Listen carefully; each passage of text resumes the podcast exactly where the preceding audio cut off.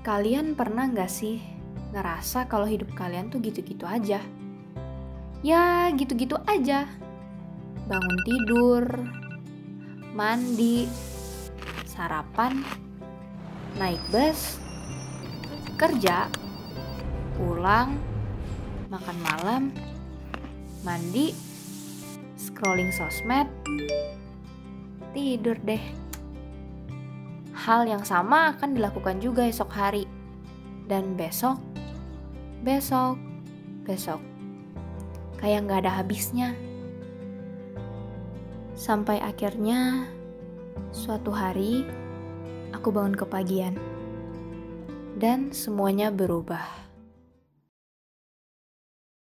Suatu hari di bulan Juni dapat didengarkan secara gratis di Spotify mulai tanggal 3 September 2021. Jangan lupa dengerin ya!